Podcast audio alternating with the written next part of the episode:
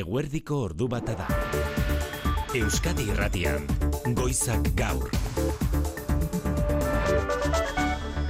Arratsalde on deizuela guztioi, espero bezala, asteazken eta ostegunean egingo da, ez usterik ezean, Sánchez, Espainiako urrengo gobernuko presidente izendatuko duen investidura saioa. Asteazkenean, Sánchezen itzaldiarekin hasiko da eguerdian. Egun da irurogeita emeretzi diputaturen babesa bermatu ostean, egindu iragarpena gaur, Franzina Armengol, kongresuko presidenteak. Oraindik ez dakiguna, amnistia lege proiektuaren izkixe, ez baitute oraindik lege proiektua kongresuan erregistratu eta bien bitartean eskuina eta ultra eskuina eskura dituzten bitarteko eta foro guztietara ari dira jotzen amnistiaren legearen aurka eta pesuek juntzekin itxitako akordioaren aurka. Azkena jakin duguna, Voxek kereila aurkeztuko duela bihar, Sánchezen investidura kolpistaren aurka dio eta auzitegi gorenari eskatuko dio behin behinean bertan bera usteko investidura saioa. Aitor Esteban diputatu jeltzaleak Euskadi Irratiko faktorian salatu du edo zerri deitzen zaiola estatu kolpea seguru jotzen du Estebanek Espainiako urrengo urteko aurrekontuak aurrera aterako dituela Sánchezen gobernuak eta horrek bi urterako egonkortasuna bermatuko diola. Ea jotak pesoerekin itxitako akordioaz besteak beste Euskadiren naziotasunaz pesoe eztabaidatzeko preste egotea urrats garrantzitsua da dio Estebanek. Aurrera begire, gauza garrantzitsu batzuk eta gozala, lehenengo aldiz e, alderdi sozialistak e, onartzen dau, herri honen gehiengoak gura leukela nazio aitortza, eukitea, euskal nazio aitortza egotea, ez da? Eta, bueno, komprometitzen da, hori negoziatzen, zertan amaitzuko dan, ez dakigu Gainerako lerro buruak inigo alusti zarratzaldeo. Baita zuri ere maite. Ekialde hurbilan Gaza irian Israelgo armadak setiatuta dauka Al-Shifa, ospitale nagusia, eta sendagai faltagatik azken hiru egunetan hogeita amabi gaixo hil direla jakinarazi du gaur Gazako osasun ministerioak hogeita amabi gaixo hildako eta tartean garaia baino lehen jaiotako hiru aur. Eta ospitale inguruetan erasoan jarraitzen du Israelgo armadak, jamasen gotorleku nagusia erietxearen azpian dagoela argudiatuta, Gaza hegoaldean bitartean berriro zabaldu dute gaur Egiptorako Rafako pasabidea, atzerreko pasaportea duten herritarrentzat, eta hause bere txandaren zain zegoela Espainiak gazan duen kontsulak Salah Awad El Susik eite beri esan dakoa. No, no se puede describir. Sea, que estamos bebiendo por, por, por gracias a Dios. Deskriba ezina dela gazako egoera eta mirarea, miraria dela berak bizirik jarraitzea. Ekialde hurbileko gatazkak aldaketa handiak eragin ditu bide batez erresuma batuko gobernuan joko dugu albistegian Londresera, izan ere ez ustean David Cameron lehen ministro hoia jarri du berriro politika Britainiararen lehen lerroan Cameron Rishi Sunak lehen ministroak hain zuzen ere atzerri ministro izendatu du. Esan bezala joko dugu Londresera albistegia. Frantziako turraren aurtengo irterarako inbertitutako euro bakoitzeko bestalde zortzi euro terdi iritsi dira bueltan Euskal Autonomia Erkidegora. Eusko Jaurlaritzak azaldu duenez, administrazioak amabi milioi euroko inbertsio egin ondoren eun da lau milioi euroko eragina izan du Frantziako turreko lehen hiru etapak Euskadin jokatu izanak, honekin batera erakundek nabarmendu dute beste eun da amabos milioi euro inbertitu beharko liratekeela Euskadik edabideetan izan duen presentzia lortzeko gustura datu hauekin bingen zupiria Jaurlaritzako kultura sailburua. Datuek berretzi egiten dute Euskal Erakundeek egindako apustua. Turraren irteera handia antolatzea herri proiektu bat izan da, horrelako ekitaldiak antolatzen badakigula eta horretarako gaitasuna daukagula erakutsi dugu, eta Euskadiren irudia nazioartean indartuta geratu da. Jo dezagun orain Hernanira, langile ikastolako gurasoak kalera atera dira. Gaur jangelako zerbitzuarekin izan dituzten arazoak salatzeko Serunion enpresaren katerina herrioxatik zekarren kamioiari pasoa ere itxi diote. Une batez gurasoek ezin egona nabaria da. Zerbitzu horrengatik langile ikastolatarian dago igotzalkorta aurrera. Arratsaldeon Jangela zerbitzu duina aldarrikatzen duen pankarta atean jarrita oztopatu diote bai Serunion enpresako kamioiari zentrurako sarrerak gidariak berak kendu du pankarta hori barrura sartzeko baina gaur ez dute hemen jantokiko jani jango etxetik ekarri dute protesta gitza bokadilo bat eta fruta edo postrea aserrea eta kezka dira hemen nagusi gurasoen zein zentruko arduradunen artean agurtzan errama langile ikastolako ikasketa burua. De repente jakitea logroñotik prestatu duten jateko bat hone ekartzea, ba bueno, pazientzia uki dugu, baina zazpigarren egunean ja jogurra eta sagarra ematea eta gaur inorrez etortzea honea azalpenak ematea, ba bai, lertu indat, jende urduri dago, ez da fiatzen, eta serre daude.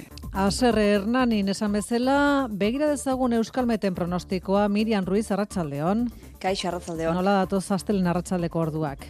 Ba ez dugu aldaketan dirik espero behar datozen orduetarako. Zerua lainotuago egongo da, eta kaso tantaren bat edo beste bota esake, baina ezer gutxi izango litzateke, eta gaur leku gehienetan ateri egongo da, eta gainera horrendik giroa oso epela izango da. Balio, balio altuenak kantauri zuri aldean, ba, hogeita iru, hogeita lau, edo hogeita gradukoak dira, eta barne aldean e, emeretzi hogei graduren bueltan dabil temperatura. Egia esango izango izetik antzematen zen egoa izea horrela jarraituko dugu, bihar ere? Ba, bihar e, fronteska bat e, sartuko da arratsalderako goizean beraz, oraindik ego ukituko aizea ibiliko denez, e, ostarteak zabalduko dira eta giroak goxoa eta epela izango da, baina guarditik aurrera aldaketak iritsuko dira. Aizeak ipar mende baldera egingo du, odei trinkoagoak e, sartuko dira eta euritera joko du. Alare, ba, frontea ahulduta iritsuko da gurera eta lainotu eta freskatu arren, ba, euri gutxi ekarriko digu. Eskerrik asko Miriam, bihar arte. Bihar arte. Errepidezaren nagusia nola dago orduanetan onintza segurola? Ba, ugao mirabai esen Bilborako norabidean e, errepidea era bat moztu dute, ba, osakidetzako helikopteroak lur hartu dezan. Itxura denez, e, ba, gidarietako batek arazo, osasun arazoak ditu eta errepidea moztu dute. AP irurogita sortzian, arakaldon, Bilborako norabidean, bi autok elkardio dute, horre ere oztopatu egiten dute eskuineko erraia, eta azkenik, ba, goizean goiz istripua izan den txori herriko igaro bidean, esaten genuen aurreko orduetan, ba, arazorik ez egoela, ba, orain hartzaintzatik esaten digute, ba, oraindik kilometro pasatxoko ba, autoilarak daudela, hori da. Konforme honintza, gero arte, Kiroletan, Jose Maria Paula Zarratxaldeo, Beobiaren ajearekin, eta berriz ere, futbolarekin, atletik eta reala, autagai argiak Europan izateko. Bueno, aje, edo biharamonari dagokionez, Beobiatik donostiarakoak honen hause da, ez beharra ipagarririk gabeko ekitaldia izan du aurten, hogeita bos mila lagunetik gora elmugan. Eta markei dagokienez, bueno, ba, marka berria jarri du. Ibilbide berrian, esaten da, bueno, aipatu behar da, jatorrian, ibilbide hause zeukala, behobiatik donostiarakoak. Osta, osta, jaitsi du ordu betetik, eta nesketan ez da markarik izan, baina alde derreko lasterketa izan da. Egi esan izan den orekagatik azkeneko kilometroan laukorrikalari elkarrekin. Eta futbolean alaxe da, balantzen moduko bat egiteko garaia da, Espainiako futbol ligak, Europako gehientxonek bezalaxe, etena izango baitu, ligaren lehen erena jokatu ondoren datu hau etxek. Atletikek aurten iaz baino irupuntu gehiago ditu, realak berriz bat gutxiago bete-betean biak Europan sartzeko. Eta ikusten dena da, osasuna dela iazko emaitzatatik aparte dabilena, iaz baino bederatzi puntu gutxiago ditu uneotan osasunak. Kulturan, Manu Etxe sortu Bilboko txontxongilo jaialdiak, nazioartean ospetsu diren konpainiak ekarreko ditu. Ba bai, larun baten hasiko da Bilboko txotxongilo jaialdia, malau konpainia guztira eta horietatik hiru euskaldunak. Ego Afrikatik Jani Rantzen konpainia dator, oso konpainia ona da, izugarria da bere ospea, txotxongiloak eta dantza garaikidea guztartzen ditu. Etxeko ikuspegitik jaialdi honek erakutsiko du sektoriak Euskal Herrian duen indarra eta profesional bihurtzeko hartu duen bidea. Aitziber Artorra Sagaztik, Jaurlaritzako kultura sustatzeko zuzendariak aurreatu du, datorren astean Euskal Txotxongilo taldei buruzko txostena aurkeztuko dutela. Jaialdi honetatik abiatuta sektore bat dago atzetik. Sektore bat jakin izan duguna aurte nain zuzen ere datorren astean aurkeztuko da. Txosten honi esker berrogeta ama piku sortzaile baino gehiago dauzkagunak Euskadin. Orduan nik uste dut azpimagarria dela azken bi urteotan egin duten lana sektorearen profesionalizazioa eta egituraren alde. Bilboko txotxongilo jaialdia maite, hasiko da larun batean, eta bederatzi egunez, nazioarteko amabost ikuskizun eskeniko ditu. Ordu bata eta bederatzi dira, Xabi Gailastegi eta Mirari Egurtza teknikan eta errealizazioan. Euskadi Irratian, Goizak Gaur. Maite Artola. Asteazkenean eta ostegunean egingo da ez uste handirik ez bada Sánchezen investidura albidetuko duen osoko bilkura kongresuan oraindik ez dakiguna gaur goizean artean ea jotak ere etzekien amnistiaren lege proiektuaren izkixea ez baitzuten oraindik lege proiektua erregistratu kongresuan eta oraindik ez dakigu noiz erregistratuko duten Borja Senper alderdi populararen bozera maleak esan du kalean jarraituko dutela baina herritarren ezinegona bide baketsuetatik bideratu gea behar dela. Nola nahi ere azkena boxen iragarpena da, Sánchezen aurkako kereila iragarri du bihar bertan auzitegi gorenean eta bere esperantza da investidura saioa etetea Mikel Arregi Arratsaldeon. Kaixo Arratsaldeon datorren ostegunean. Arratsaldeko lehen orduan Pedro Sánchez gobernu presidente izendatuko du kongresuak PSOEren hautagaiak lotu dituen 179 diputatuen babesarekin. Eztabaida saioa asteazken eguerdian hasiko da Sánchezen hitzaldiarekin baina gaur arreta guztia amnistia legean jarrita dago. Beroni babes eskainiko dioten talde guztiek testua goizean zehar jaso dute eta badirudi amnistia legea datozen minututan erregistratuko dutela hemen kongresuan. Honen aurrean Yolanda Díazek bere diputatuen aurrean Pues sí, va a ser un acuerdo histórico. Akordio Sobre historiko todo izango dela esan du amnistiak politika normaltasunera itzuliko duelako. Ez da hori baina eskuinaren ustea ez behintzat. Zentzu positiboan atzo poliziaren arabera bosteun mila pertsona Madrilen bildu eta gero gaur Borja Senperrek telecinco dio Somos un partido que no quiere echar más leña al fuego. Somos Popularrek ez dutela istiluak auspotzeko inongo asmorik, konstituzioa eta bizikidetza babestu nahi dutela amnistiak sortutako asarrea esparru politikotik bideratzeko. Boxek, boxetik aldiz, Santiago Abaskalek beste gauza badio, Si estamos ante un golpe de Estado, no es la hora de la movilización de los domingos. Es el momento de la mobilizazio iraunkorrerako dei egin du gaur beste behin eta bide horretan Sánchezen kontra amnistiagatik kereia aurkeztuko dutela iragarri du eta auzitegi gorenari behin behinez investidura saioa eteteko eskatuko diotela. Eskerrik asko Mikel Alderdi Popularrak eskura dituen bitarteko eta foro guztiak baliatuko ditu amnistiren legearen aurka egiteko. Datorren astean bertan nahi du gaia Europako Parlamentuaren osoko bilkuraren agendan sartzea. Garbi utzi nahi dute popularrek zuzenbide estatua ezin dela negoziatu Europako batasuneko estatukideen artean Manfred Weber Alemaniarra da Europako alderdi popularren buru eta Espainiako peperen ordezkaritza buruarekin batera atera du agiria PSOEren eta Junsen arteko akordioak independentzia judiziala igatzen duela salatzeko. Honekin batera Espainiako PPko eta Ciudadanoseko europarlamentarioek gutuna igorri diote Ursula von der Leyen Europako Europar batzordeko presidenteari amnistia legearen garapena eta sortutako kezka gertutik jarrai ditzala eskatuz. Sinatzaileen esanetan Europar batasunari dagokio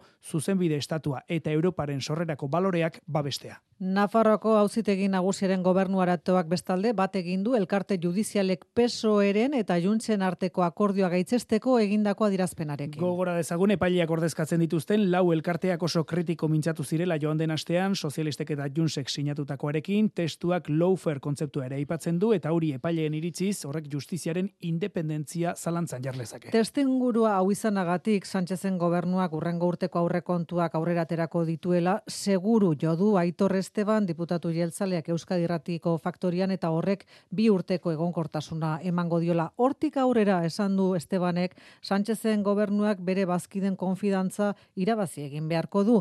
Garrantzitsua jodu aurreneko aldiz Sánchezen gobernua prestegotea Euskadiren nazio izaeraren aitortzari buruz negoziatzeko, naiz eta aitortu duen Estebanek ez zindela aurreikusi negoziazio hori nora iritsiko dene izan ere, akordioak ez dira inoiz bere osotasunean betetzen urtzigartzia arratsaldeon. Arratzaldeon bai, ba, pesuerekin itxitako akordioarekin gustora Aitor Esteban. Ondo finkatutako abiadura dagoala eta eta bidea. Falta diren eskumena transferitzea eta nazio aitortzaz negoziatzea bermatzen duen akordioa da diputatuko diputatuen kongresuko bozera maile jeltzalearen arabera. Lehenengo aldiz eh, alderdi sozialistak eh, onartzen dau herri honen gehiengoak gura leukela nazio aitortza. Eta, bueno, konprometitzen da hori negoziatzen. Euskadiren eskumenei eragin diezaiekete Madrilgo legetan foru klausula sartzearen inguruan inbasio kompetentzialik ez izateko orain arte baino bermea handiagoa izango dela eren abarmendu du Estebanek. A ber, klausula honen eh, aipamena garrantzitsua da, baina ez da gauza guztiz barria. Gura geunkena da hori gehiago edatzea. Eta akordioa berosotasunan inoiz betetzen ez direla jakinarren aurreko legialdian baino betetzen maila handiago esegitu dio alderri sozialistari EAJak eman diezaioken egonkortasuna jokoan egon litekelako. Ez da erreza izango. Aitortu behar dugu danok, ez da.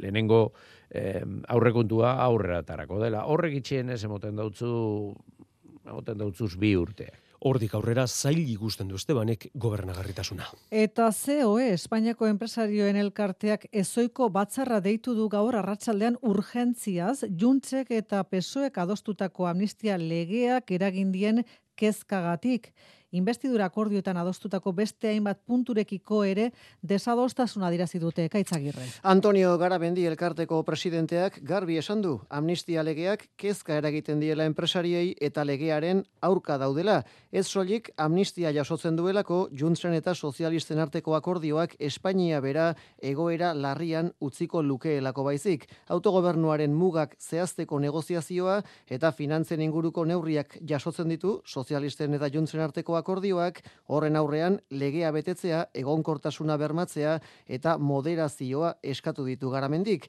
Arratxaldeko lauretan hasiko da premiazko bilera hori. Bada arratsaldeko bileraz galdetuta. Yo les animo a que sigan trabajando por el bien de su país, que se aparten de las proclamas ideológicas y que se dediquen Aldarrikapen ideologikoak alde batera utzi eta indarrak euren zereginetara lan merkatua indartzera bidera ditzatela eskatu die enpresariei Joaquin Pérez Rey funtziotan lan eta gizarte ekonomia estatu idazkariak CEOren jarrerak harridura eragin dio Pérez Reyri bere hitzetan patronalak ez duelako orain artean egungoaren moduko mintzakiderik izan. Perez Reik kursalen egin ditu adirazpen hoiek izan ere gizarte ekonomiaren inguruko jardunaldiak hasi dituzte gaur kursalen eta bertan hitz egin du baita ere enplegurako Europako komisarioak beste azpimarrau egin du ultraeskuinaren eta populismoak Europako demokraziarentzat dakartzan arriskuez. I've never believed that one day I would be scared for the future of democracy in Europe. And when I look around, including in this country, I have the Ez feeling nuen segula pentsatuko Europako demokraziaren etorkizunaren gatik beldurtuta egongo nitzenik, baina ingurura begiratzen dut, Espainia barne esan du eta argi dago demokrazia Europan ere ez dagoela bermatuta. Erantzi du Smithek, sistemak abandonatuta sentitzen diren personez osatutako gizarte batek ere jartzen duela arriskuan demokrazia. Arratsaldeko ordu bata eta mazazpi minutu dira Podemos Euskadik Euskal Ezkerraren esparrua zabaltzeko prozesu parte hartzailea jarri du goizak gaur abian. Gizartearekin eta kaleko herritarrekin berriro ere konektatu asmo du alderdi moreak zurin etxe berri arratsaldeon. Arratsaldeon oraingo elkarrekin ekartzen duen esparrua indartzeko eta zabaltzeko Euskadi berria eraikitzen izeneko prozesu parte hartzailea biatu du Podemos Euskadik Pilar Garrido koordinatzaileak berri eman duenez. Euskal Eskerraren esparru politikoa zabaltzea eta indartzea eta gizarte zibila implikatzea.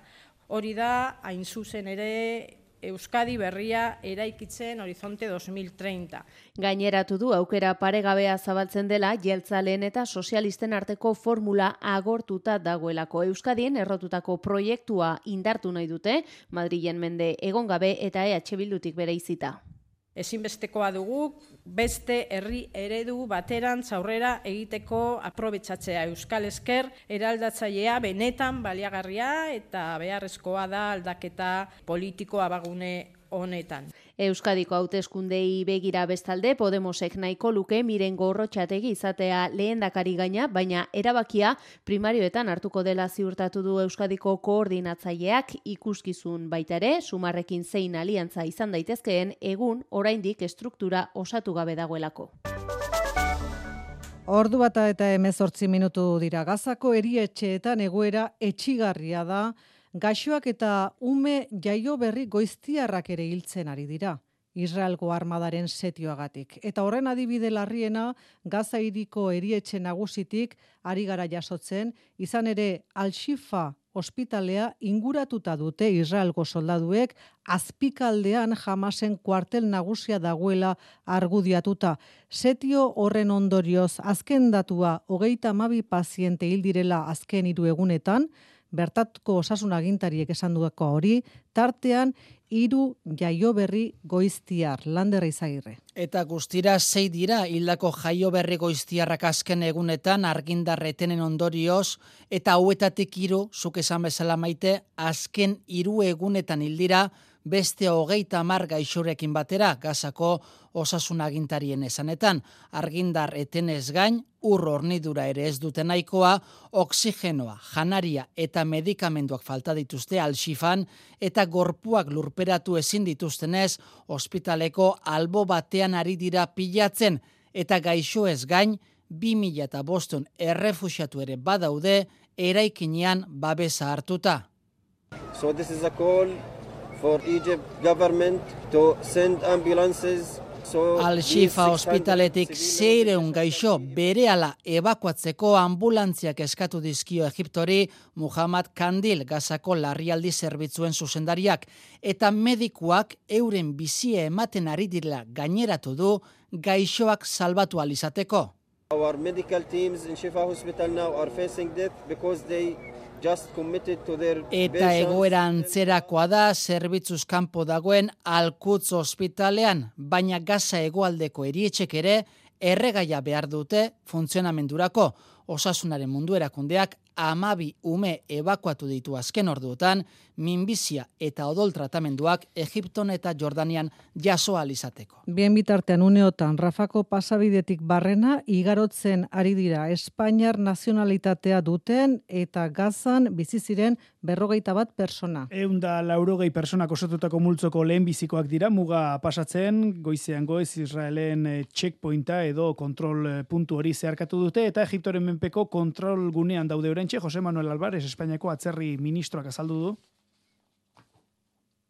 Están ya en el punto de control egipcio haciéndolo para ya entrar definitivamente. Egipto on sartu orduko Kairoko Espainia enbaxadan hartu dituztela gainerako herrikideak iritsi bitartean talde oso elkartzen denean defentsa ministerioko hegaldi batean eramango dituzte Madrilera. Gazako erietxen eta haien inguruen aurka Israel egiten ari den bombaketetan kontentzioa eskatu dio Israeli asteburuan Europar batasunak orraino eskatu dio.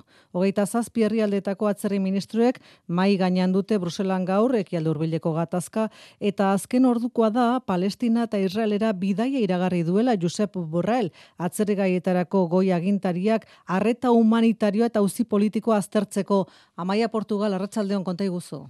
Bai, arratsaldeon aste honetan bertan joango da Israel eta Palestinara Josep Borrell ala, e, ala iragarri du txio bidez, baita Barein, Saudi Arabia, Qatar eta Jordaniara ere laguntza humanitariorako sarbideaz eta uzi politiko ez hitz egiteko ekialde hurbileko liderrekin. Azpimarratzeko Europar Batasuneko diplomazia burua bertara joan gabea zela oraindik, esan azuen etzela Israelera joango, aldi berean Ramalara ere joaterik ez batzuen, badirudi horretarako baldintzak adostea lortu dutela azkenean. Gainerakoan, hogeita zazpiek azkengo ibileran eskatu zutena, gazan eten humanitarioak egitea alegia, bere ala egin beharrekoa dela, gaineratu dute bart idatzi bateratu batean, eta hori azpimarratu du borrelek ere gaur goizean, atzerri kontseiura sartu denean. Gaitzatsi du jamasek ospitaletan dauden palestinarrak giza ezkutu gisa baliatzea, baina hogeita zazpien lenguaian badago beste aldaketa bat ere, neurriz jokatzea eskatzen diote Israeli, gazako zibilak babesteko, Josep Borrell.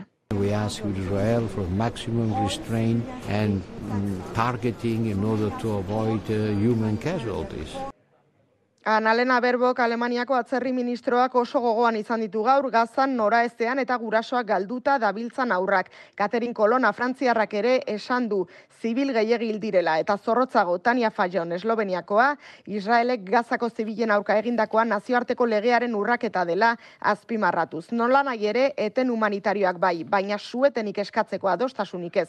Hogeita zazpien artean, Alvarez Espainiako gobernuko atzerri ministroa daia hori publikoki eskatzen duen bakar bakarra. Jo dezagun orain Londresera erresuma batuko politika hankaz gora ari baita jartzen ekialde hurbileko gatazka. Larun batean ehunka milaka manifestari ikusi genituen Palestinarekiko elkartasunean kalera ateratzen, baina kalera atera ondoren Rishi Sunak lehen ministroak kargugabetu egin du manifestazio hori baimendu izana publikoki kritikatu zuen barne ministroa zuela Breiberman, anerroteta Londres arratsaldeon.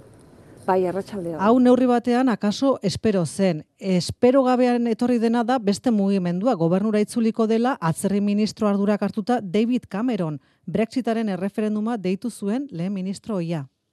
Bai, ala da, Rishi Sunak lehen ministroari aulezia lepuratu zaio asteburu osoan zuela Braberman barne ministro karguan jarraitzen zuelako, E, larun batean, e, eskuin muturreko manifestariek e, poliziarekin eragindako istiluen ardura Brabermani leporatzen zitzaion, polizia kritikatu baitzuen palestinaren aldeko protestekin, eskuin muturrekoekin baino malguago zela e, leporatu. Ze ideologikoki ez dago aldean dirik e, zunak eta Brabermanen artean, baina Brabermanen tonuak lehen ministroa utzi du egoera zailean. Hortaz, e, David Cameron atzerri ministro izendatzea, estrategikoki mugimendu azkarra dirudi oso. Bravermanen mm. eskandaloa atzean utzi eta Cameron baita e, izpide nagusi orain. Lerroburua beraz e, era bat aldatu da. Eta esan dezakeguane, e, lehen aipatzen genuenean, erresuma batuko politika gintzan nolari den eragiten, ez da, ekialde urbileko gatazka, ez da bakarrik gobernu konservadorearen baitan,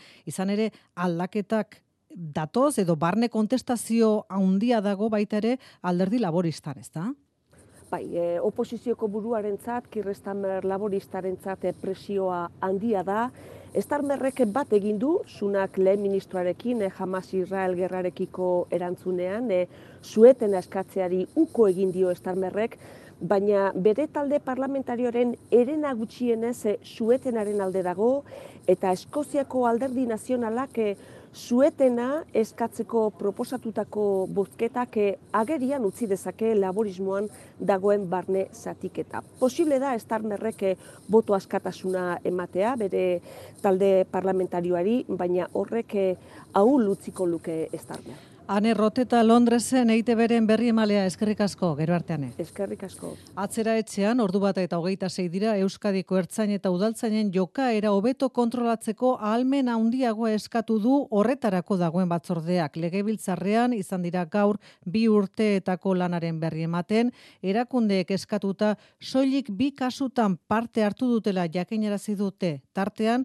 duela urte terdi Bilboko San Francisco auzoan bi persona atxilotzeko unean ertzantzak izandako joka eragatik. Kaixo norozen arratsaldean. Arratsaldean bai hori gertatu da esaterako Bilboko San Francisco auzoko ertzaintzaren operazioan Josu Erkoreka segurtasun saiburuak eskatuta egindu batzorreak bere ikerketa gabeziak ikusi ditu eta horien aurrean gomendioak eman tartean orokortzea polizien artean soinean kamarak eramateko puntua. Aipatu dugun batzordea sei pertsonak osatzen dute eta Juan Luis Ibarra Euskadiko Auzitegi Nagusiko presidente hoia da batzordeko presidentea eta gaur bi urteetan egindako lanaren berri ematerakoan behin eta berriz errepikatu du ofizioz ikerketa bat egin dezaketela soilik poliziaren jokaera batean eriotza edo zauri larriak daudenean edo bestela ertzaintzak udaltzainek edo arartekoak eskatzen dutenean. Beraz, zen datozen bi urteetarako beraien ekimenez edo herritarrek jarritako kexak izapidetu ali izateko ahalmena eskatu dute. Cabría ampliar el contenido de la función de actuación de oficio de la comisión. Eta zehazki proposatu dute ikertu alizatea ekin bidera bideratutako kexetan ikusten bada kezka sortzen duela poliziaren jokaerak. Ahalmena eskatu dute baita, haien estatutuak eta funtzionatzeko arauak jartzeko ere.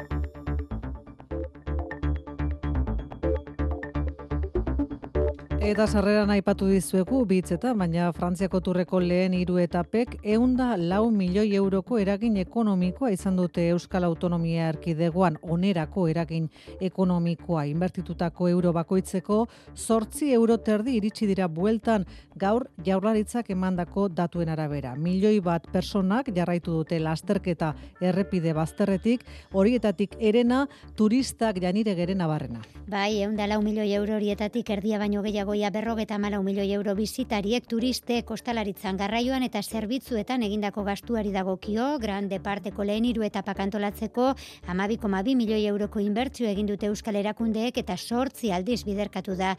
Inbertzio hori ikertaldek jaurlaritzaren zako egindako evaluazio txostenaren arabera guztira euskal foru hogasunek emeretzi milioi terdi berreskuratuko dituzte. Euskadik komunikabidetan izan duen presentzia lortzeko eunda amabos milioi milioi euro inbertitu beharko liratekeela ere ondorio ostatu dute. Bingen supiria jaurlaritzaren bosera malearen hitzetan datuek erakusten dute Euskadi pres dagoela nazioarte mailako ekitaldi handiak antolatzeko. Turraren irteera handia antolatzea herri proiektu bat izan da, horrelako ekitaldiak antolatzen badakigula eta horretarako gaitasuna daukagula erakutsi dugu eta Euskadiren irudia nazioartean indartuta geratu da.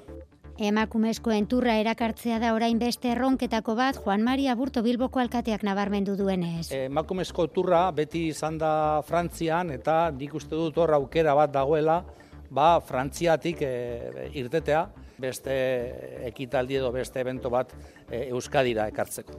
Eta horrekin batera San Mames eta Realearen 2030 marreko munduko futbol txapelketako egoitza izan daitezen lanean jarraituko duela berretzi du jaurlaritzak. Arratsaldeko ordu bat aterdiak joberdiak. Euskadi irratian eguraldia eta trafikoa. Zeberri errepideetan, Luis Eron? Bi arretagune uneotan, segurtasun saiaren arabera AP irurogeita sortzi autopistan, arakaldon bilbora bidean, bi autoren arteko talka izan da, eta ambulantziak lekuan dira. Eta NSA iru zazpi, eh, txoriarriko korridorean lezaman erletxetarako norazkoan, istripua izan duten bi kamioiak eramateko arazoak direla eta oraindik ere ibilgailu pilaketak kilometro ingurukoak uneotan. Eguraldiaren pronostikoa euskalmeten eskutik. Datozen orduetan ez dugu aldaketan dirik espero behar, zerua lainotuago egongo da eta akaso batantaren bat edo beste bota dezake, baina tira, ezer gutxi izango da eta gaur leku gehienetan ateri eutxiko dio eta gainera giroa oso epela izango da. Kostaldetik ikertu, balio altuenak e, hogetala, bogeta gradukoak izango dira eta barnealdean be mesortzi dogei bat gradukoak.